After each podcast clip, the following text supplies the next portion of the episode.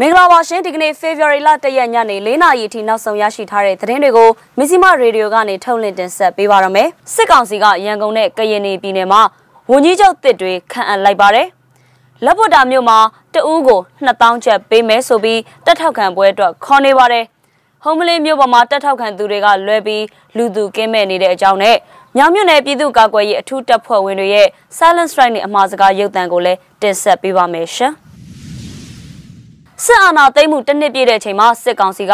ရန်ကုန်တိုင်းနဲ့ကရင်ပြည်နယ်မှာရှိတဲ့ဝန်ကြီးချုပ်တွေနေရာကိုအပြောင်းအလဲပြုလုပ်ပြီးအသစ်ခန့်အပ်မှုပြုလုပ်လိုက်ပါတယ်။ရန်ကုန်တိုင်းဝန်ကြီးချုပ်ဦးလာစိုးရဲ့နေရာမှာအရင်ကာကွယ်ရေးဝန်ကြီးဌာနစရင်စစ်ချုပ်ဦးစိုးသိန်းကိုခန့်အပ်လိုက်ပါတယ်။ဦးစိုးသိန်းကမြန်မာစစ်တပ်ပိုင်းကုမ္ပဏီကြီးဖြစ်တဲ့မြန်မာစီးပွားရေးဥပိုင် limited ရဲ့ဒုတိယ managing director တဦးဖြစ်တဲ့အပြင် DSA အပတ်စဉ်24ဆင်းထားသူလည်းဖြစ်တယ်လို့သိရှိရတာပါ။ ကရင်ပြည်နယ်ဝန်ကြီးချုပ်ဦးခင်မောင်ဦးနေရာမှာဦးစော်မျိုးတင်ကိုလည်းခန့်အပ်လိုက်ပါတယ်။ဝန်ကြီးချုပ်ဖြစ်လာတဲ့ဦးစော်မျိုးတင်ကကရင်ပြည်နယ်လုံခြုံရေးနဲ့နေဆက်ရေးရာဝန်ကြီးဖြစ်အချိန်ကြာမြင့်စွာတာဝန်ထမ်းဆောင်ခဲ့တယ်လို့ဒေသကွက်ကဲမှုစစ်ဌာနချုပ်မှုဖြစ်လဲလုပ်ကင်ခဲ့မှုသူဖြစ်ပါတယ်။ဦးခင်မောင်ဦးကိုတာဝန်ကရက်နာထားတာကကြာပြီဖြစ်ပေမဲ့လည်း January လ31ရက်နေ့မှစစ်ကောင်စီကထုတ်ပြန်လာတာဖြစ်ပါတယ်ရှင်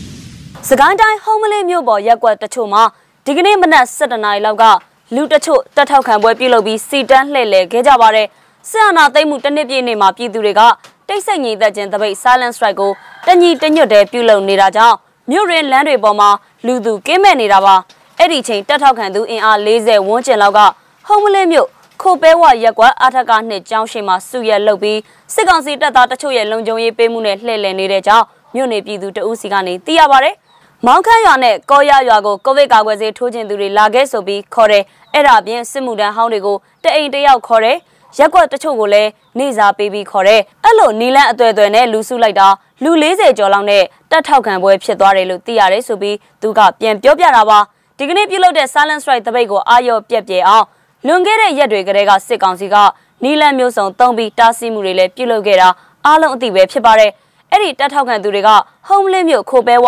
ရက်ကွက်ကနေစတင်ထွက်ခွာလာပြီးနောက်ပကျစ်ရက်ကွက်နဲ့ဒငင်းကုန်းရက်ကွက်တွေကိုပါလှည့်ပတ်ချီတက်ခဲ့ကြတာဖြစ်ပါတယ်။ဒါပေမဲ့ဟုံးမလင်းမြို့ပေါ်မှာတော့အဲ့ဒီတက်ထောက်ခံသူတွေကလွဲပြီးလူသူကင်းရှင်းနေတာပါ။ဟုံးမလင်းမြို့ကန်တွေကတော့အရင်တုန်းကပြုလုပ်ခဲ့မှုတဲ့ Silent Strike တပိတ်တွေမှာသာမကပဲအခုတခါမှလည်းတက်ညီလက်ညီပါဝင်တဲ့စစ်အာဏာရှင်ကိုစန့်ကျင်လျက်ရှိကြောင်းသိရတာဖြစ်ပါတယ်ရှင်။